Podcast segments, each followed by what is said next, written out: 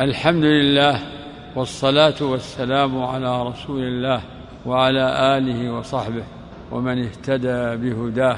في الحديث الصحيح الإيمان بضع وستون شعبة فأعلاها قول لا إله إلا الله وأدناها إماطة الأذى عن الطريق والحياء شعبة من الإيمان.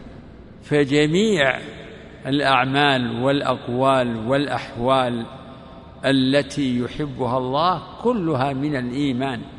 فالصبر من الإيمان الصبر على المصائب والصبر على الطاعة والصبر عن المعصية. العفو عن المسيء بر الوالدين صلة الأرحام كلها من الإيمان. الصلاة من الإيمان والصيام من الإيمان والحج من الإيمان. وأعلى شعب الإيمان لا إله إلا الله. ويليها ومعها شهادة أن محمد رسول الله. شهادة أن محمد رسول الله هي الشعبة الثانية وهما جميعا شهادة أن لا إله إلا الله وأن محمد رسول الله هما أصل الدين. وعليهما مدار جميع شعب الإيمان. جميع شعب الإيمان مدارها على الشهادتين. ولهذا كل عمل لا بد أن يتحقق فيه مقتضى الشهادتين. ما مقتضى شهادة أن لا إله إلا الله؟ الإخلاص في العمل. أن يكون العمل لله وما مقتضى شهادة أن محمد رسول الله؟ أن يكون العمل على وفق ما جاء به وما أمر به صلى الله عليه وسلم. فهذان شرطا العمل. الإخلاص والمتابعة. الإخلاص لوجه الله والمتابعة لرسوله. ومتى فقد واحد منهما بطل العمل كما جاء عن الفضيل بن عياض رحمه الله في قوله تعالى ليبلوكم أيكم أحسن عملا قال أحسنه أخلصه وأصوبه قالوا وما أخلصه وأصوبه قال إن العمل إذا كان خالصا ولم يكن صوابا لم يقبل. وإن كان صوابا ولم يكن خالصا لم يقبل. حتى يكون خالصا صوابا. والخالص أن يكون لله لا يراد به إلا وجهه. والصواب أن يكون على السنة. فأحسن العمل هو ما كان خالصا لوجه الله صوابا على سنة رسول الله صلى الله عليه وسلم. والرسول صلى الله عليه وسلم رسول الله محمد بن عبد الله خاتم النبيين ورسول الله إلى الناس أجمعين وهو سيد ولد آدم عليه الصلاة والسلام. هو الذي أكرمه الله وخصه بخصائص وأكرمه بشريعة كاملة من خصائصه ما جاء في حديث جابر قال رضي الله عنه قال نصرت بالرعب مسيرة شهر وجعلت لي الأرض مسجدا وطهورا وأحلت لي الغنائم ولم تحل لأحد قبلي وأعطيت الشفاعة وكان النبي يبعث إلى قومه خاصة وبعثت إلى الناس عامة رسالة محمد صلى الله عليه وسلم عامة لجميع البشرية. هو البشير وهو النذير وهو السراج المنير. يا أيها النبي إنا أرسلناك شاهدا ومبشرا ونذيرا وداعيا إلى الله بإذنه وسراجا منيرا. وبشر المؤمنين بأن لهم من الله فضلا كبيرا. ولا تطع الكافرين والمنافقين ودع أذاهم وتوكل على الله وكفى بالله وكيلا. فشهادة أن محمد رسول الله لا بد أن تتضمن الإيمان بأن محمد بن عبد الله رسول إلى الناس كافة وما أرسلناك إلا كافة للناس بشيرا ونذيرا ولكن أكثر الناس لا يعلمون. وما أرسلناك إلا رحمة للعالمين يعني لكل العالمين لكل الناس بل للثقلين الجن والإنس. رسول الله إلى جميع الثقلين الجن والإنس. فما في القرآن من خطاب يا أيها الناس خطاب لكل الناس لكل من كان موجودا في حياته صلى الله عليه وسلم ولمن يجيء بعد إلى يوم القيامة. يا أيها الناس وفي الآية الأخرى قل يا أيها الناس إني رسول الله إليكم جميعا. إني رسول الله إليكم جميعا. فهو رسول الله إلى اليهود إلى العرب والعجم إلى اليهود والنصارى. وجميع أمم أهل الأرض من الوثنيين على اختلاف مذاهبهم ونحلهم. يجب أن يعلم المسلم هذه الحقيقة حتى لا يلبس عليه الملبسون فإن من النصارى الخبثاء يقولون إن محمد رسول إلى العرب ويقولون يعني معناه أن لسنا بملزمين بما جاء به ولا يجب علينا اتباعه. وهذا أحد أنواع الكفر التي اقترفوها فإن النصارى كفروا بأنواع من الكفر واليهود كذلك.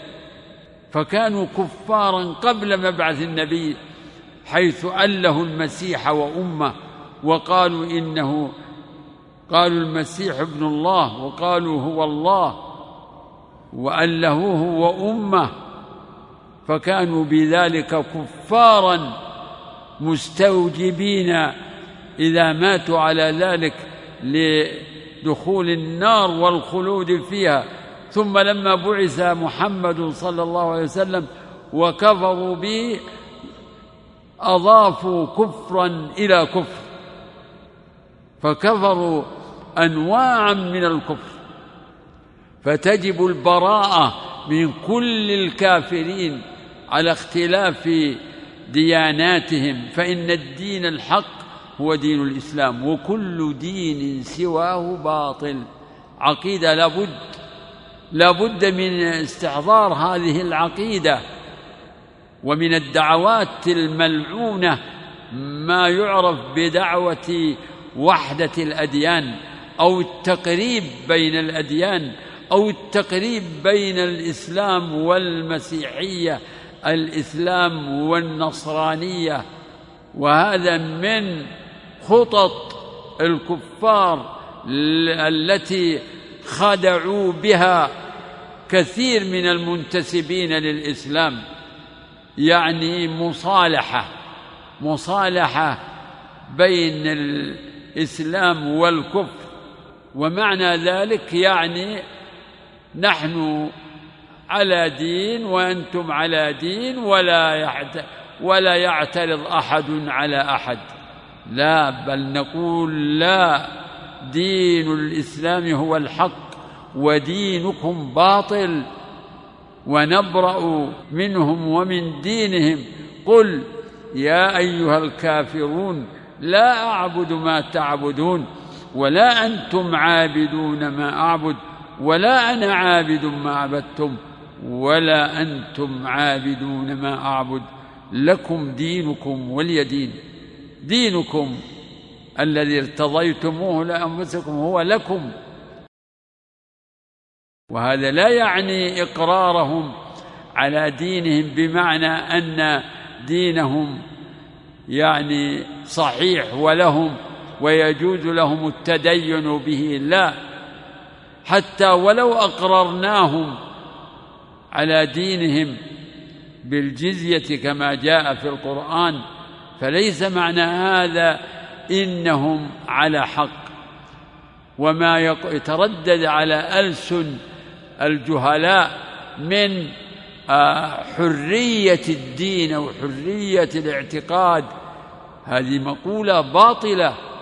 لأن معناها أن لكل إنسان أن يتدين بما شاء. لا ليس للإنسان أن يتدين إلا بالإسلام. ليس حر. فقوله تعالى وقل الحق من ربكم فمن شاء فليؤمن ومن شاء فليكفر. هذا ليس تخييرا كما يزعمه بعض الضالين. أو الجاهلين. ليس تخيير هذا اسمه تهديد. من شاء فليؤمن ومن شاء فليكفر. لو كان تخيير وقف السياق هنا. من شاء فليؤمن ومن شاء فليكفر. لكن بعدها ومن شاء فليكفر. إنا أعتدنا للظالمين. يعني الكافرين المشركين. إنا أعتدنا للظالمين نارا أحاط بهم سرادقها. وإن يستغيثوا يغاثوا بماء كالمهل. إذا ما ما ليس هذا تخيير. التخيير ما في تعديد اختر هذا ولا هذا؟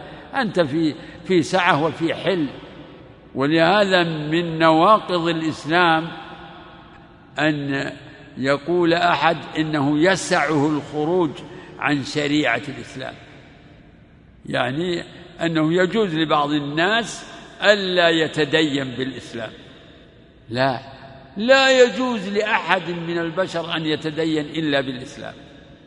فكل من لم يتدين بالإسلام فهو كافر مستوجب لدخول النار. وفي الحديث الصحيح يقول عليه الصلاة والسلام والذي نفسي بيده لا يسمع بي أحد من هذه الأمة يهودي ولا نصراني ثم يموت ولم يؤمن بالذي جئت به إلا دخل النار. فالإيمان بالرسول أصل من أصول دين الإسلام. الإيمان بالرسول الإيمان بالرسول هو شهادة أن محمد رسول الله. الإيمان بالرسول هو شهادة أن محمدا رسول الله. وللرسول عليه الصلاة والسلام حقوق أولها وأصلها الإيمان به. كما علمنا الإيمان بأنه رسول من عند الله إلى جميع البشرية وأنه خاتم النبيين. لابد الإيمان بأنه رسول الله إلى جميع الناس وأنه خاتم النبيين فلا نبي بعده. هذا هو حقه الحق الأول. والحق الثاني طاعته صلى الله عليه وسلم. هذه ثمرة الإيمان. ثمرة الإيمان الطاعة. طاعته عليه الصلاة والسلام. والرسول تجب طاعته في كل شيء بدون استثناء. بدون استثناء. طاعته مطلقة. أما طاعة غيره من الناس مثل الوالدين ومثل طاعة المرأة لزوجها أو طاعة الرعية للراعي فهذه مقيدة. طاعة بالمعروف. فلا طاعة لمخلوق في معصية الخالق. أما الرسول فتجب طاعته مطلقة فطاعته طاعة لله.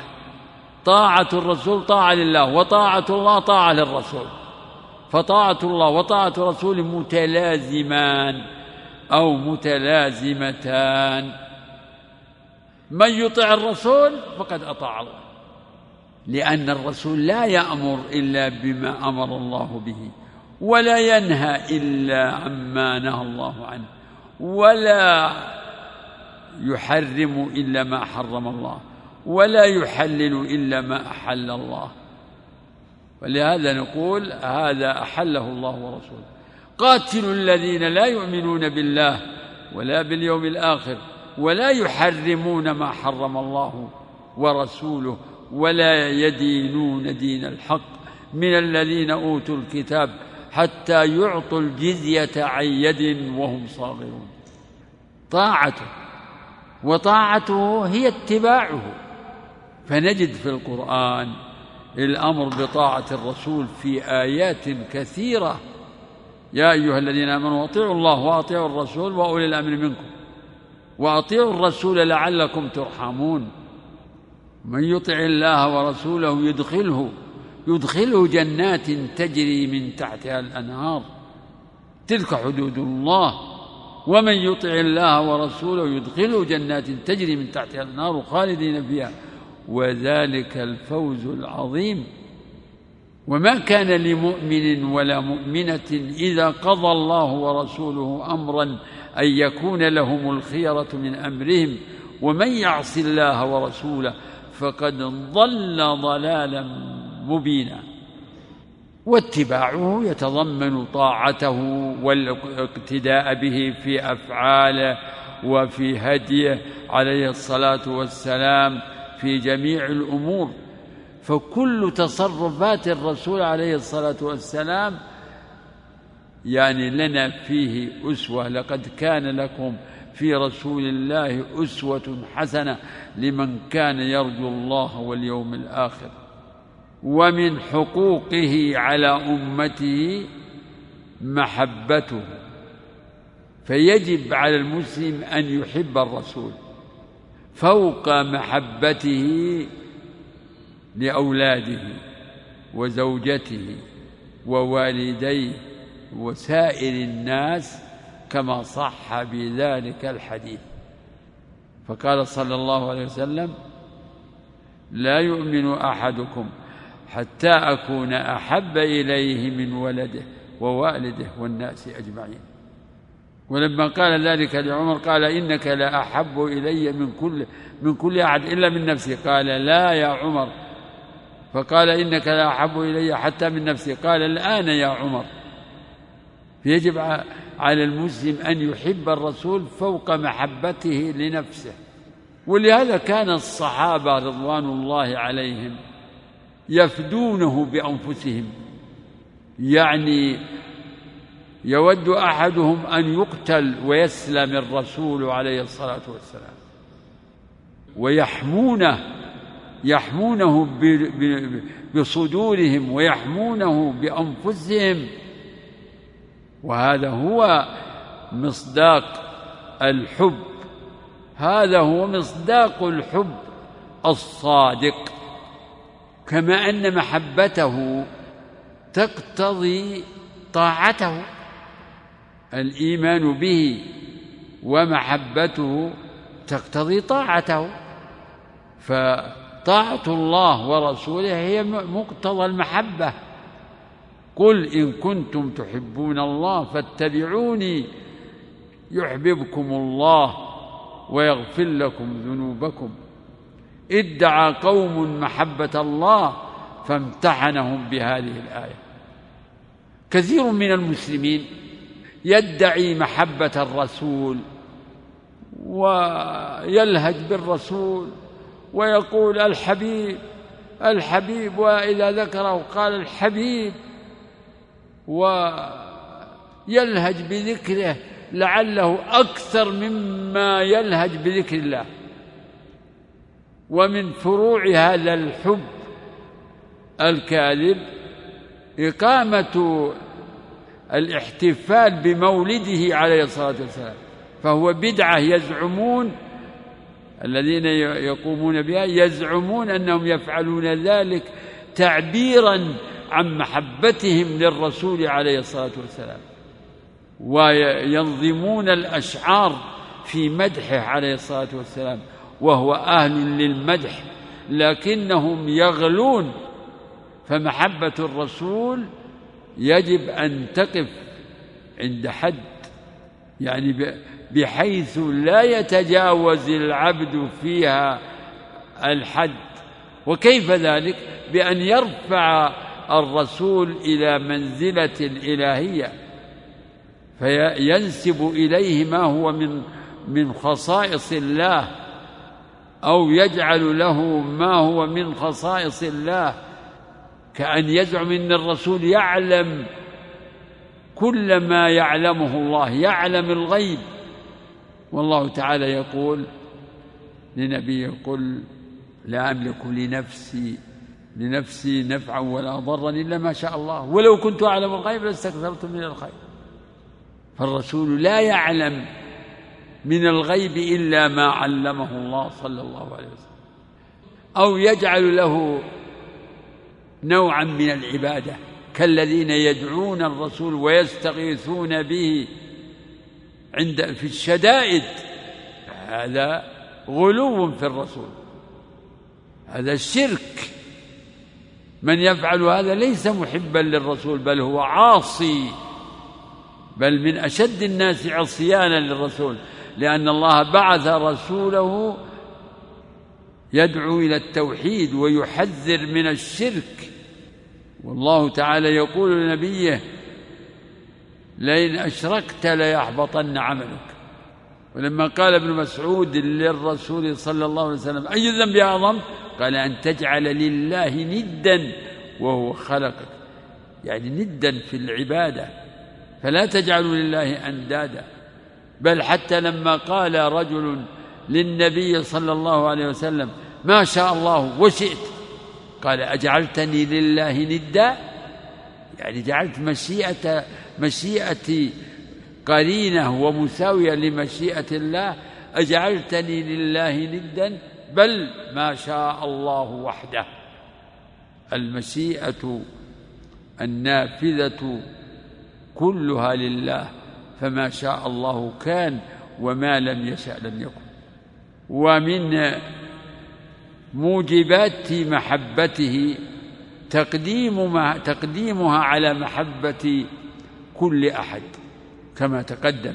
ولهذا قال تعالى قل إن كان آباؤكم وأبناؤكم وإخوانكم وأزواجكم وعشيرتكم وأموال اقترفتموها وتجارة تخشون كسادها ومساكن ترضونها أحب إليكم من الله ورسوله وجهاد في سبيله فتربصوا يعني انتظروا أمر الله ينزل بكم فتربصوا حتى يأتي الله بأمره والله لا يهدي القوم الفاسقين. تجب محبة الله ومحبة رسوله على محبة كل أحد من هذه المحبوبات. كل هذه المحبوبات الثمانية وتظهر هذه الحقيقة بتقديم أمر الله ورسوله على رغبة الآب الآباء والأبناء والإخوة والعشيرة والزوجة وكذا. تظهر هذه الحقيقة بتقديم محبة الله ورسوله على رغبة هؤلاء. فإذا تعارضت رغبة هؤلاء المحبوبين مع أمر الله ورسوله فهنا يتبين يتبين صدق المحبة من كذبها أو ضعفها. يا أيها الذين آمنوا إن من أزواجكم وأولادكم عدوا لكم فاحذروهم. من أز... من أزواجكم وأولادكم. ليسوا كلهم لا بعض. من أزواجكم وأولادكم عدوا لكم فاحذروهم. قيل نزلت في بعض الذين أرادوا الهجرة فثبطهم أولادهم فآثروا البقاء مع أولادهم. أو أرادوا الجهاد ف فقالوا لما تتركنا تذهب تجاهد فربما تقتل فثبطوه عن الجهاد. فالله يحذر المؤمنين من طاعة الأزواج والأولاد في ترك ما أوجبه الله وما أمر الله به ورسوله. احذر فإذا أطاع الرجل زوجته في معصية فقد زوجته بهذا صارت عدوا له لأنها أوقعته فيما يضره. أوقعته فيما يضره. طلبت منه ما هو حرام فأجابها. أو أو الولد كذلك. فمن أطاع أحدا في معصية الله فقد آثر محبته على محبته. وقد قدم طاعته على طاعة الله ورسوله. فالمحبة الصادقة محبة الله ومحبة رسوله. يعني الله تعالى في القرآن قرن بين محبته ومحبة الرسول. أحب إليكم من الله ورسوله. وفي الحديث الصحيح ثلاث من كن فيه وجد بهن حلاوة الإيمان. أن يكون الله ورسوله أحب إليه مما سواهما وأن يحب المرء لا يحبه إلا لله. وأن يكره أن يعود في الكفر بعد إذ أنقذه الله منه. كما يكره أن يقذف في النار. ومن آثار محبته الصلاة عليه عند ذكره صلى الله عليه وسلم. فينبغي للمسلم إذا ذكر الرسول عنده أن يصلي عليه صلى الله عليه وسلم. يا أيها الذين آمنوا صلوا عليه وسلموا تسليما. هذا من حقه. ثم إن صلاتنا عليه وطاعتنا له مردودها على من؟ نفعها يعود لمن؟ يعود لنا من عملنا. وإن كان الرسول صلى الله عليه وسلم ينتفع بذلك لأن له مثل أجور له مثل أجور أمته. ومن ومثل آه، قولنا فيما إذا بعد إجابة المؤذن اللهم رب هذه الدعوة التامة. يقول عليه الصلاة والسلام إذا سمعتم المؤذن فقولوا مثل ما يقول ثم صلوا علي أو كما قال عليه الصلاة والسلام. ثم سلوا لي الوسيلة. فبعدما يجيب المؤذن يستحب للمسلم أن يصلي على الرسول عليه الصلاة والسلام ويدعو له بهذا الدعاء. اللهم رب هذه الدعوة التامة والصلاة القائمة. آت محمدا الوسيلة والفضيلة وابعثه مقاما محمودا الذي وعدته. ومن أعظم حقوقه نصرة سنته وإحياء سنته ونصرة جنابه نصرة جنابه عليه الصلاة والسلام بحيث يعني من استهزأ به أو سبه فيجب على ولي الأمر أن ينصر الرسول بإقامة حكم الله على على الساب على المستهزئ بالرسول. أما من يسمع الاستهزاء بآيات الله والاستهزاء بالرسول أو سب الرسول ثم لا يغضب لذلك هذا إما أن يكون عديم الإيمان أو ليس في قلبه من الإيمان إلا النزر اليسير لأن من كان عنده إيمان بالرسول وتعظيم للرسول ومحبة للرسول لا بد أن يغضب. إذا إذا انتهك جناب الرسول بسب أو سخرية أو تنقص لجنابه عليه الصلاة والسلام. فحقه أعظم من حق الوالدين كما تقدم ومن النفس. فإذا كان الإنسان يغضب لنفسه أو لقريبه إذا أوذي أو سب فلا أن يغضب للرسول بطريق الأولى بل يجب أن يغضب للرسول أعظم من غضبه لنفسه. وهذا هو من تحقيق من تحقيق محبته فوق محبة النفس ومن عظيم شأن الرسول أن من يسب يجب عليه يعني يكون حلال الدم ويجب قتل حده القتل. حتى ولو أعلن التوبة ولو أظهر التوبة فإنها لا لا تقبل منه ظاهرا وإن كان الله إذا صدق بها يقبلها لكن في الظاهر لا بد من أخذ الحق حق الرسول صلى الله عليه وسلم. نربط هذا الكلام بما بدأنا به نقول إن محبة الرسول هي من شعب الإيمان. محبة الرسول شعبة من أعظم شعب الإيمان وهي أعلى درجات الحب في الله. أعلى درجات الحب في الله هي محبة الرسول عليه الصلاة والسلام. وإلا فمحبة المؤمنين بعضهم لبعض هي من الحب في الله وهي من شعب الإيمان. أوثق عرى الإيمان الحب في الله والبغض في الله. فأعلى درجات الحب في الله هو محبة الرسول عليه الصلاة والسلام. بل محبته يعني من عظيم شأنها أن الله قرن محبته بمحبته. أحب إليكم من الله ورسوله. ثلاث في الحديث ثلاث من كن فيه وجد بهن حلاوة الإيمان. فعلى المسلم أن يستشعر هذا الحق للرسول محبة وطاعة وتعظيما.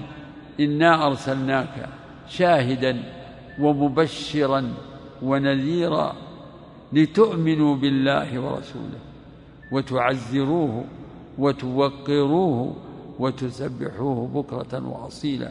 وقال تعالى فالذين آمنوا به يعني الرسول فالذين آمنوا به وعزروه ونصروه واتبعوا النور الذي أنزل معه أولئك هم المفلحون. آمنوا به وعزروه يعني وقروه وعظموه ونصروه واتبعوا النور الذي أنزل به الدين الذي جاء به والعلم الذي جاء به واتبعوا النور الذي أنزل معه أولئك هم المفلحون.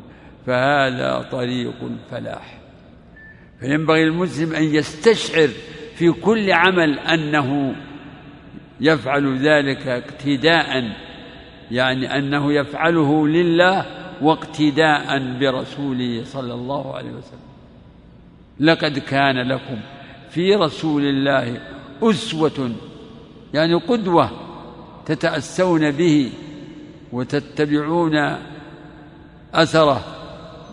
وتقتدون به لقد كان لكم في رسول الله أسوة حسنة لمن كان يرجو الله واليوم الآخر وذكر الله كثيرا. فالمؤمنون بالله واليوم الآخر الذاكرون لله كثيرا هم أهل القدوة بالرسول هم المقتدون بالرسول هم الذين يتحرون سنة الرسول هم الذين يجتهدون في العمل بسنته عليه الصلاة والسلام. والحمد لله رب العالمين. الحمد لله أن جعلنا مسلمين وجعلنا من أهل السنة. إنه جواد كريم. فاحمدوا الله وسلوا ربكم الثبات على التوحيد والسنة. على توحيد الله وإخلاص العمل لله واتباع سنة الرسول عليه الصلاة والسلام. عصمني الله وإياكم من مضلات الفتن ما ظهر منها وما بطن. صلى الله وسلم وبارك على عبده ورسوله. أحسن الله إليكم ونفع بعلمكم. تكرر السؤال عن حكم الحزن على موت بعض الكفار. هذا منكر هذا منكر. تحزن على إلا إلا إلا نستبشر بهلاكهم. ولكن نستبشر من كان أضر على المسلمين أضر على المسلمين فإننا نستبشر به أكثر. ومن لا فإننا لا نحزن عليه. اللهم لو كان للإنسان قريب كافر قريب أبوه أبوه يمكن يحزن عليه لوجود المحبة الطبيعية. وجود محبة طبيعية والده وربما أنه يحزن عليه لموته على الكفر أيضا. أما الكافر الذي لا شأن لنا به فلا نحزن عليه وهو واحد من بلايين الكفار. أحسن الله إليكم.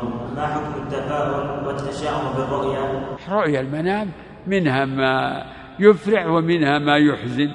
طبيعي وش معنى التفاؤل والتشاؤم؟ إذا رأيت ما تحب احمد الله وارجو إن شاء الله أن أنها خير لك. وإذا رأيت ما تكره فتعوذ بالله من الشيطان والحمد لله.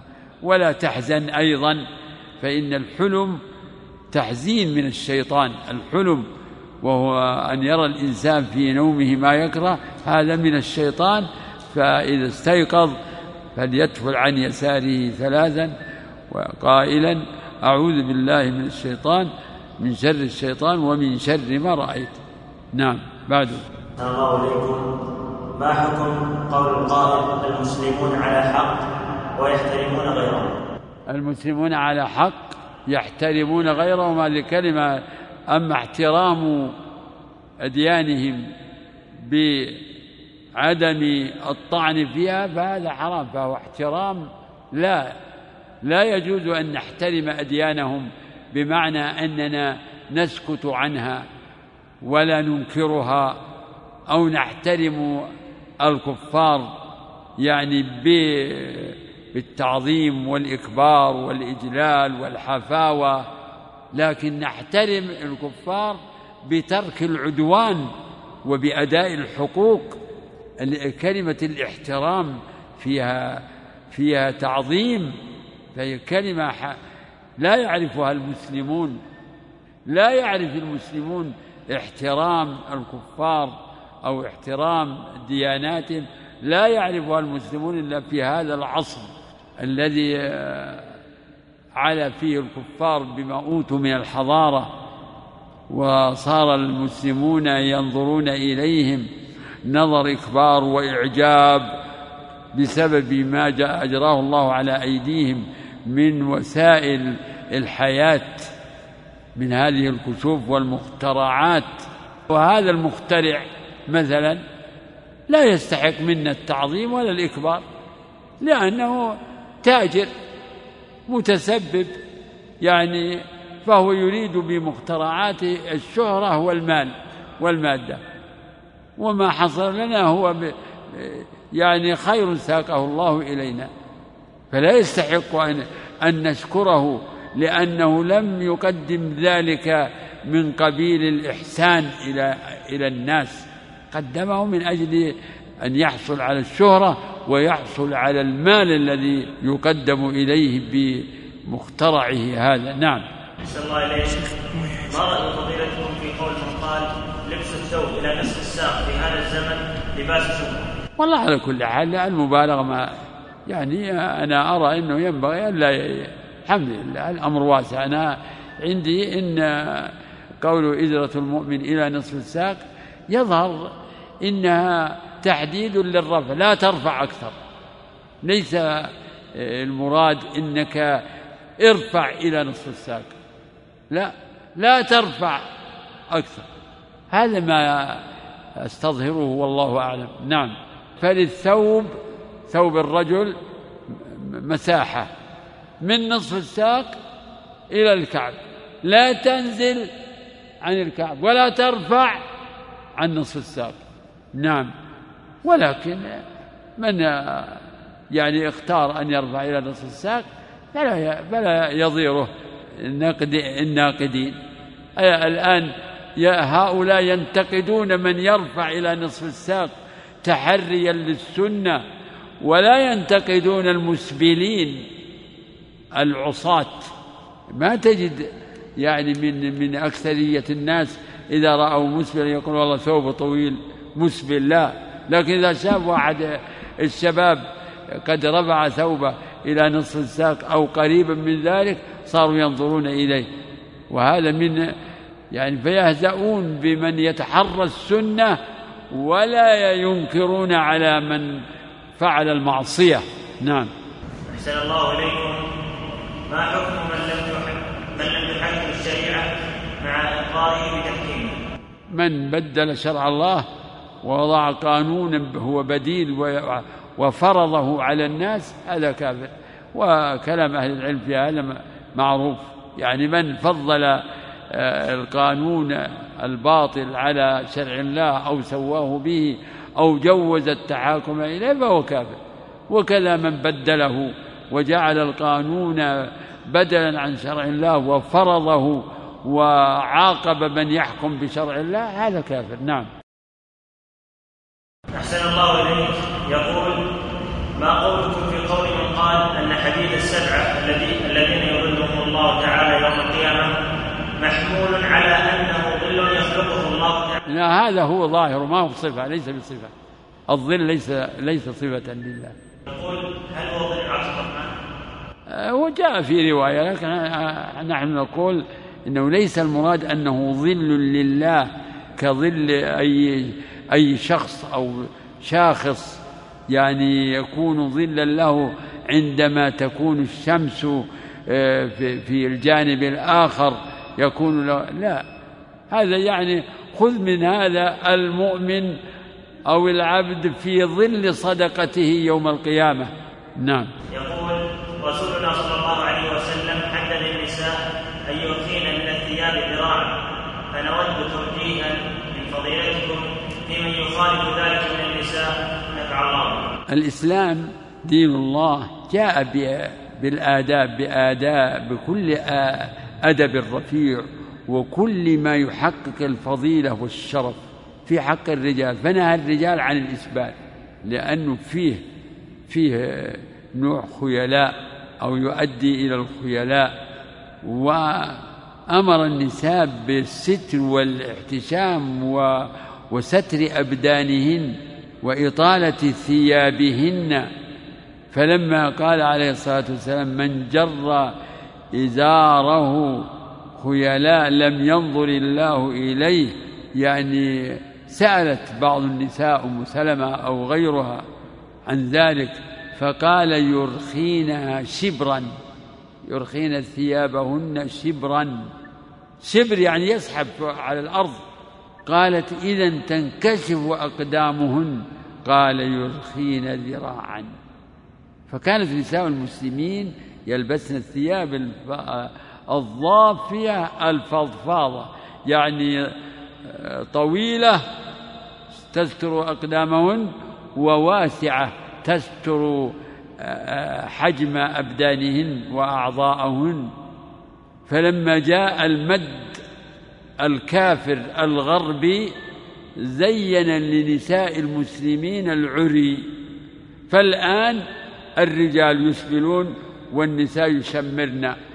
ما شاء والله النساء هن اللي يعني هن اللاتي يلبسن إلى نصف الساق أو أو فوق ذلك إلى الركبة. الشيطان يعني يزين لكل أحد ما يخالف به شرع الله فيزين للرجال الإسبال ويزين للنساء العري وتقصير الثياب وضيق الثياب وشفافية الثياب. انظر إلى حال الرجال في المجامع. ماذا يرى من الرجل في المجامع؟ ها؟ ماذا يرى منه؟ والله ما أظن يرى إلا وجهه وكفاه كذا؟ وفي مجامع النساء يعني المتهتكات يرى منها أكثر بدنها يكون مكشوفا القدمان والساقان ربما أكثر من ذلك والرأس والعنق والصدر والذراعان والعضدان. عري عري. فيصدق عليهن وينطبق على مثل هذه النسوة صنفان من أهل النار. أحدهما نساء كاسيات عاريات مائلات مميلات. على رؤوسهن مثل أسنمة البخت المائلة.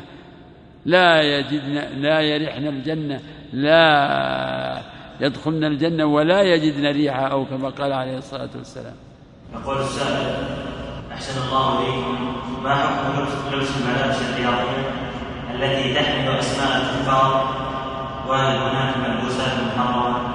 إذا كان مقصود يعني تح... إذا كان الشخص يتحرى هذه الثياب التي عليها أسماء الكفار فهذا منكر لأنه هذا ينبي عن محبة هؤلاء الكفار.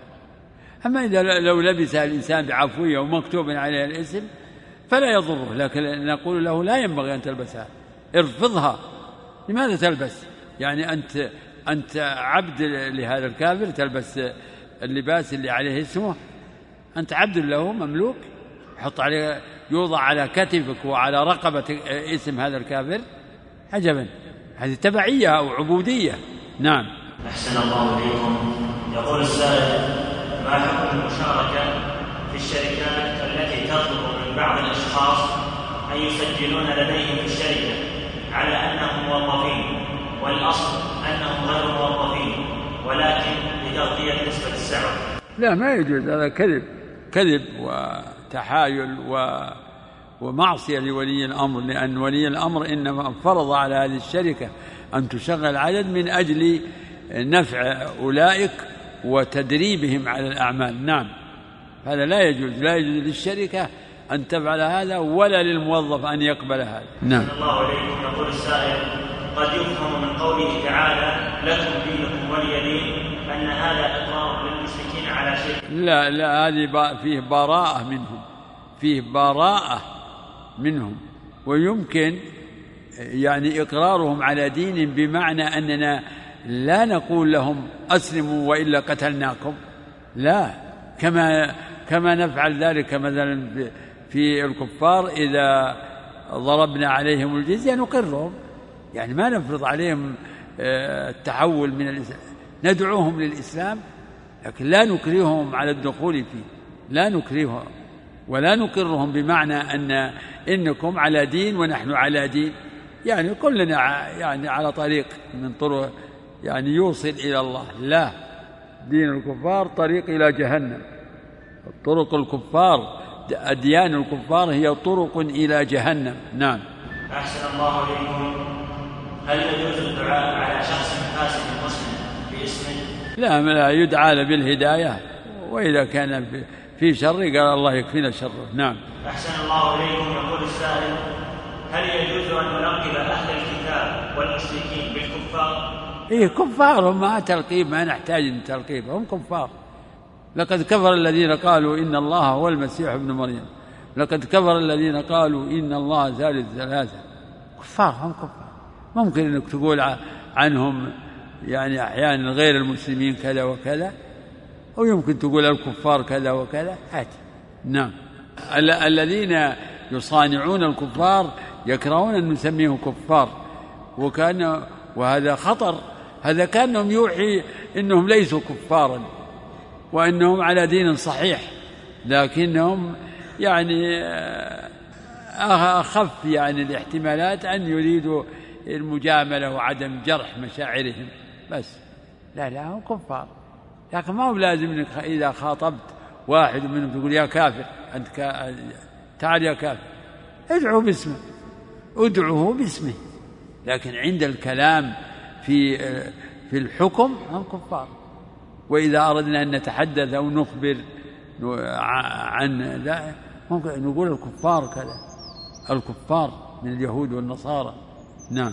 يقول السؤال شيخنا ما رأيك في من يعطل شريعة من شرائع شرائع الله وما يعطل يقصر يعني في إقامة الشريعة. كثير من المسلمين يعطلون الشيء يعني يتركون بعض الواجبات. أما من يبدل الشريعة يبدلها.